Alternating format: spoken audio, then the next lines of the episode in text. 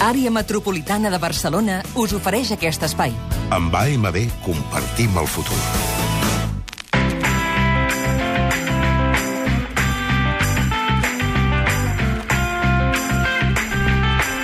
A la tribu de Catalunya Ràdio, aquesta hora en Josep Lambies, en Jordi Nopca i la Montse Barcón. Els intel·lectuals. Ja tenim aquí els intel·lectuals. Avui ens farem els bons propòsits per al cap de setmana i el primer ens, emporta, els, ens el porta en Nopca, que és celebrar el Premi Nobel a Patrick Modiano amb una copa de contró.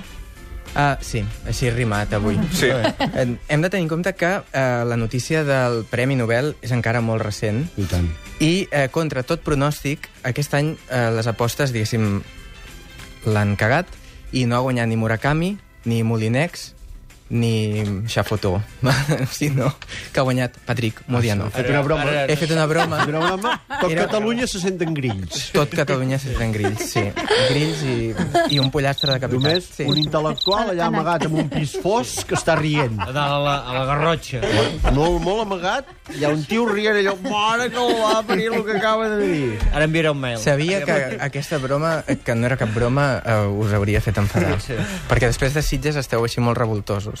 Home, I- coneix, vam estar pactant amb en Conrad Son un, un cameo, eh? Val, eh, Endavant. Sí. Uh, Aquest Eh, mateix dolor no en té res, ara. senyor Modiano. Eh, Modiano és un home tímid. És un home que no li agrada fer rodes de premsa, ni entrevistes. Eh, odia el contacte amb els altres. I ahir, quan li van dir que guanyava el Nobel, va haver de fer una roda de premsa a França, a Gallimard, davant de eh, 50 o 60 mitjans de comunicació. Heu d'imaginar que aquest home patia. Patia, però guanyarà 870.000 euros. Clar, ah, val la pena. No patir. malament. Empatic, empatic. Galimar és un poble? Eh? Galimard és l'home de la gallina, més o menys. Es complica aquesta secció. Sí, es complica. Continua, per favor. Continuo. Senyor Modiano, tornem amb el senyor Modiano. Sí. Uh, Modiano va dir que s'ha passat 45 anys escrivint el mateix llibre. I vosaltres pensareu, 45 anys per fer-ne un? No, 45 per fer-ne 28.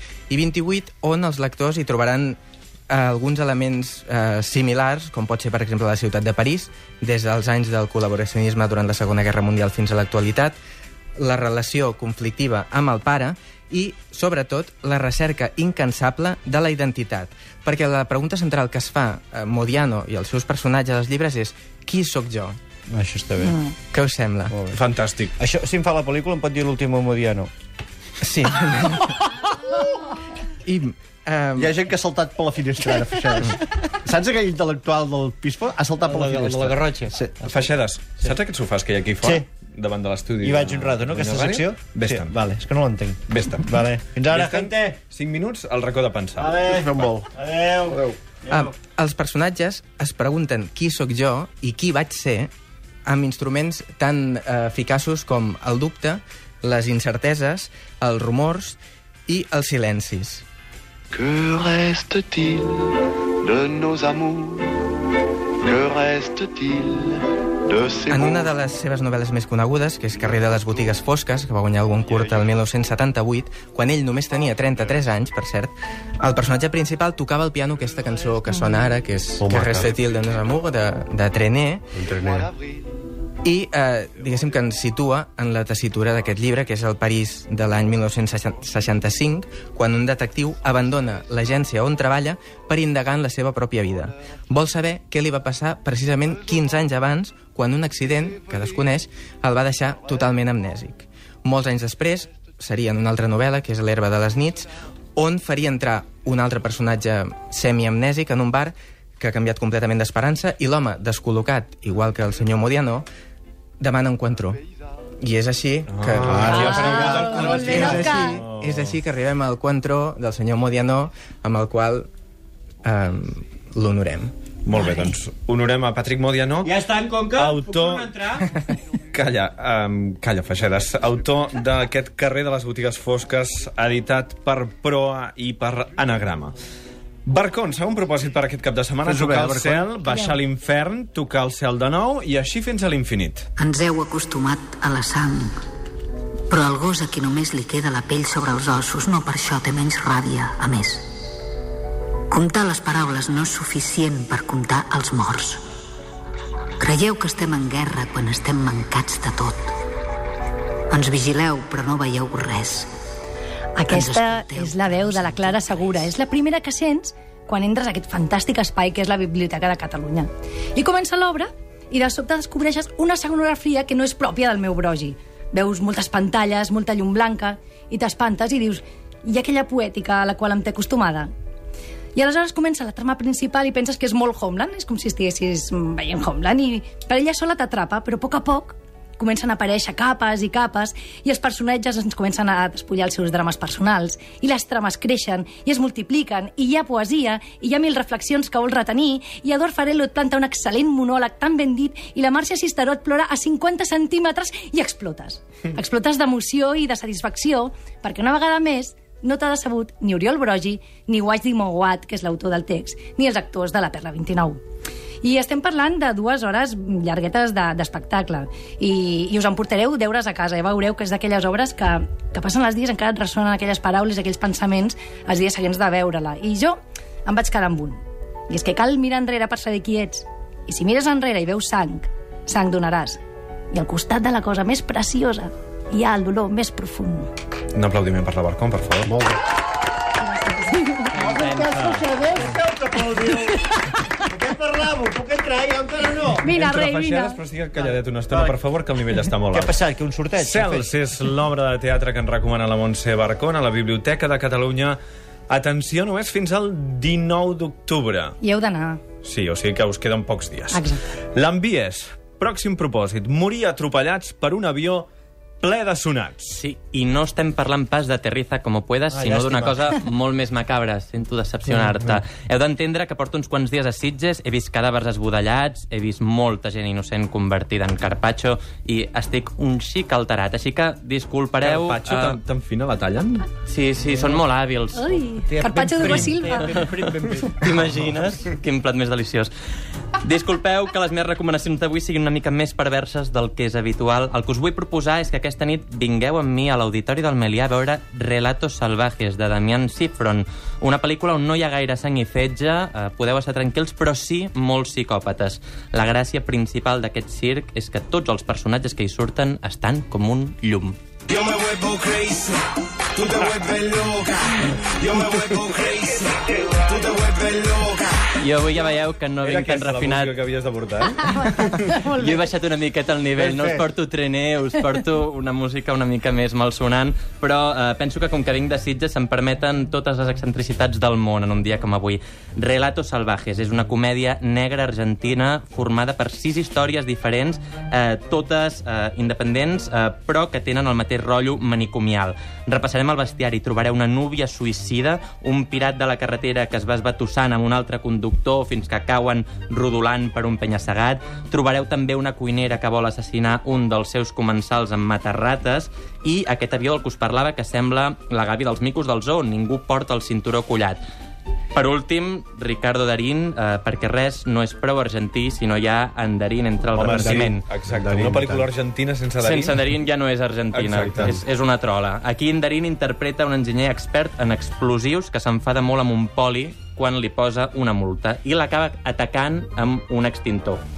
Es pot demanar alguna cosa més? Jo crec, sincerament, que no, però si encara voleu més milongues perverses com aquestes, ja sabeu, ens veiem aquest vespre a Sitges. Serà un gust alternar amb algú que no sigui un zombi, per variar. La projecció d'aquesta pel·lícula argentina es fa a l'Auditori del Malià de Sitges en el marc d'aquest eh, festival de cinema fantàstic.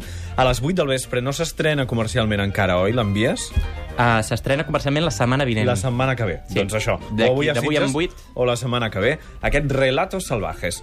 Nopca, pròxim propòsit, tancar-nos a casa, allunyats del món, com aquell senyor de la Garrotxa. L'intel·lectual. I l'intel·lectual, i llegir Modiano. Sí, insisteixo una mica més en el Premi Nobel, Premi Nobel aquest. 2014. El del contró. Exacte. Novel·la. C- Crec Eh? que... Que es diu Nobel, i- i no Nobel. Nobel. Bueno, Sí. Continua, Nopca, per favor. collonades, Um, preparar el programa. Um, Va, tira. El gran homenatge que podeu fer aquesta setmana a Modiano és senzillíssim, eh? Fins i tot els senyors Falafel i Durum poden aconseguir-ho, eh? que és tancar-se a casa, allunyats de tota temptació i vici, i agafar una novel·la de Modiano, que pot ser de la biblioteca, eh, també, o fins i tot, si sou prou perversos, la podeu anar a pispar, eh, la pispeu, us asseieu a casa i dediqueu un parell d'horetes, són 200 pàgines com a molt, Carai. No la llegireu sense complicacions, amb gran plaer, i us recomanaria que comencéssiu potser amb una novel·la del 2010 que es diu L'Horitzó. Nous n'irons pas plus loin, te dit le capitaine. Trop d'obstacles aujourd'hui pour gagner l'horizon. La música intrigant de Dominica podria posar banda sonora el llibre de Modiano, L'Horitzó, que explica la història d'un home, Jean Bosman, que es planteja rescatar una de les ombres que el persegueix des de fa 40 anys. Atenció, eh? 40 anys. Un ombra? Un ombra. Un ombra que és una dona, que és Margaret Leco. Que ha perdut, ha perdut la memòria, poder? Ell sí. Veus? Ella no. Sempre, tot, Ella... tot és igual, sempre. Tot és Què igual. dic jo sempre? Tot és igual. Ella- Si tu he llegit tots. Ara un en francès, un en anglès, un català, però ja està. Ella ha desaparegut explicat. i ell intenta retrobar-la pels carrers i bars parisencs que tots dos junts van freqüentar quan el maig del 68. I a mi, i a mi, i a mi què m'importa, nano? Esclar, és això. Però aleshores... Aquest és el problema. Però aleshores, no que per quin comencem? Pel carrer de les botigues fosques o per l'horitzó? Si voleu Horitzó. una novel·la del passat amb gran solvència, carrer de les botigues fosques. Si voleu el Modiano dels últims anys, que és el més fantasmagòric, l'Horitzó. Els ha sofès molt, Nopca, amb això de Falafel i. Durum. M'ha- eh, estan, estan Estan revoltadíssims, eh? És que Durum no ho he entès. descobrir que obtenir la victòria no sempre és garantia de felicitat. Calleu que ara fa poesia. Collons, aquesta ens fot un recital avui a la tarda que... Escolteu. Sí.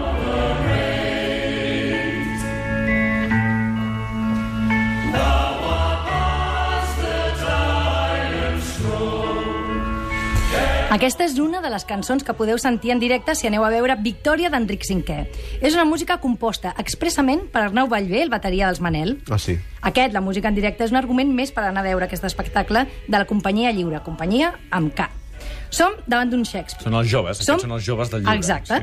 Som davant un immens i esplèndid Paul López. Jo aquest noi... Si Meravellós, comença així, jo no sé com pot acabar. actors un dia país. entrevistar-lo aquí, Sí, home. ja Doncs vindrà. sí, ja vindrà. ara jo? D'una Laura Obert, que també et fa, et fa riure, toca el cello, et canta. Oh. El David Verdaguer també està divertit, tendre, i, i estan tots ells molt ben acompanyats de, de molt joves actors i boníssims. Bon I som també davant un Pau Carrió, que ha clavat la direcció i la versió d'aquest clàssic.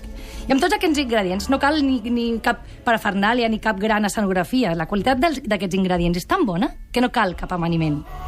Aquests joves tenen energia, tenen força, aconsegueixen que, estiguin, que estiguis atent així les gairebé dues hores que dura l'espectacle. M'agrada que et digui que dura dues hores perquè has d'anar ben preparat, no? Ben... Sí, sí, no, jo, si passa una hora i mitja... I no us espanteu també, us vull avisar això, si al principi no lligueu res dels personatges, el criat, el Va, nom, va, va, va, tranquil. ja Ho entendreu, ho entendríeu fins i tot vosaltres. Sí, és la victòria d'Enric V de William Shakespeare al Teatre Lliure de Gràcia a Barcelona fins al dia 26 d'octubre. I acabem amb l'últim propòsit que ens fem de cara a aquest cap de setmana, l'envies, que és caure en la temptació de la premsa groga. Sí, Xavi, perquè acaba Sitges, però aquest segueix sent un món bastant sòrdid. Uh, avui, ara mateix, als cinemes de tot el país arriba una de les pel·lícules més esperades de la temporada, tensa i escabrosa. Estic parlant de Perdida, l'adaptació que David Fincher ha fet del bestseller de Gillian Flynn. Aquí va una línia de la sinopsi. És la història d'una dona que es diu Amy i que el dia del seu cinquè aniversari de bodes desapareix del mapa sense deixar rastre. ¿Sabe cuál es el grupo sanguíneo de Amy? No lo sé, tendría que buscarlo en casa. No sabe si tiene amigos ni lo que hace durante el día y no sabe el grupo sanguíneo de su mujer. ¿Seguro que están casados? Com veieu, el seu marit, aquest Ben Affleck que escoltàvem, resulta ser un sòmines eh, que no en sap pràcticament res de la seva dona desapareguda i de seguida es converteix, precisament per ser un sòmines, en un filet deliciós per a tots els mitjans de comunicació que comencen a treure els trets bruts d'aquest ma matrimoni tan peculiar. Tot Amèrica s'enganxa a la seva història com si fos eh, nissaga de poder. A Fincher, està clar, li va molt al marro. Amb Ben Affleck, Perdida, de David Fincher, que s'estrena avui. Moltíssimes gràcies a tots tres. Nop que l'envies i Ho ha Barcon. fotut molt bé, noi. Fins la setmana que ve. Àrea Metropolitana de Barcelona us ha ofert aquest espai.